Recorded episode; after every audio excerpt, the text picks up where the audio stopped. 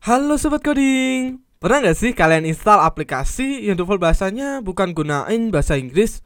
Ya, kayak bahasa Portugal mungkin Atau bahasa Spanyol Atau bahasa yang bikin kalian nggak paham sama sekali dengan aplikasi itu. Wah, kalau kasusnya seperti ini sih Aku bakal uninstall langsung ya. Atau ternyata aplikasi yang diinstal gunain bahasa daerah.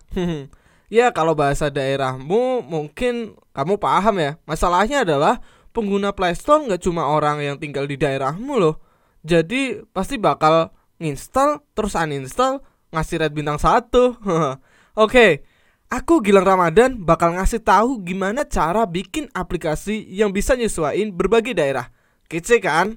Lanjut aja guys Masih semangat kan ya? Pada episode sebelumnya kita sudah membahas tentang gimana cara membuat action bar Iya kan? Gimana? Masih bingung?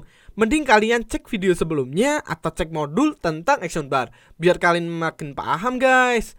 Oke, kali ini kita bakal bahas gimana cara bikin aplikasi yang bisa menyesuaikan berbagai bahasa. Ya, siapa tahu kan ya, aplikasi yang kamu buat ternyata bakal dipasarkan dalam banyak negara dan punya bahasa masing-masing. Nah, jika aplikasi yang kamu buat hanya mensupport bahasa Inggris, dan pada sebuah negara tersebut mayoritas penduduknya nggak bisa bahasa Inggris, ya pasti ini bakal nimbulin banyak masalah guys. Maka kamu perlu yang namanya localization ketika buat aplikasi itu. Localization atau lokalisasi bukan lokalisasi dalam tanda kutip ya.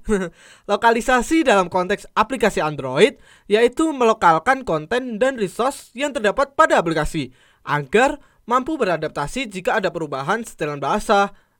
Dengan adanya localization, jelas membuat pengguna di sebuah negara bisa memahami maksud, tujuan, manfaat, dan fungsi aplikasi yang kita buat dengan bahasa yang mereka masing-masing guys. Gimana? Mantep kan ya? Ya jelas mantep banget dong. Gimana nih caranya? Gampang banget loh. Kalau kamu masih gunain penulisan secara langsung atau secara hardcore sewaktu napilin teks, maka kamu perlu pindahin semua teks ke dalam resource string.xml biar aplikasimu mensupport localization. Lalu gimana cara biar bisa mensupport bahasa lain nih?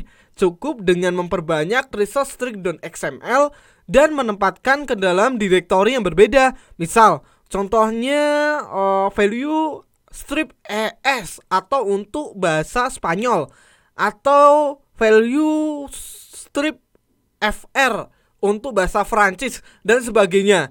Nantinya aplikasi akan secara otomatis merespon terhadap perubahan bahasa yang terjadi dengan memuat ulang semua resource yang terkait yang telah ditentukan.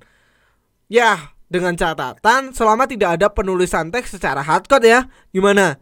Cukup jelas kan ya? Oke, mungkin cukup itu yang bisa aku sampaikan guys. Uh, kalau kalian masih kurang paham, bisa cek aja modul tentang localization ya episode selanjutnya bakal bahas tentang content description. Jadi, tetap semangat, jangan kasih kendor. Cukup Gilang di sini. Sampai jumpa.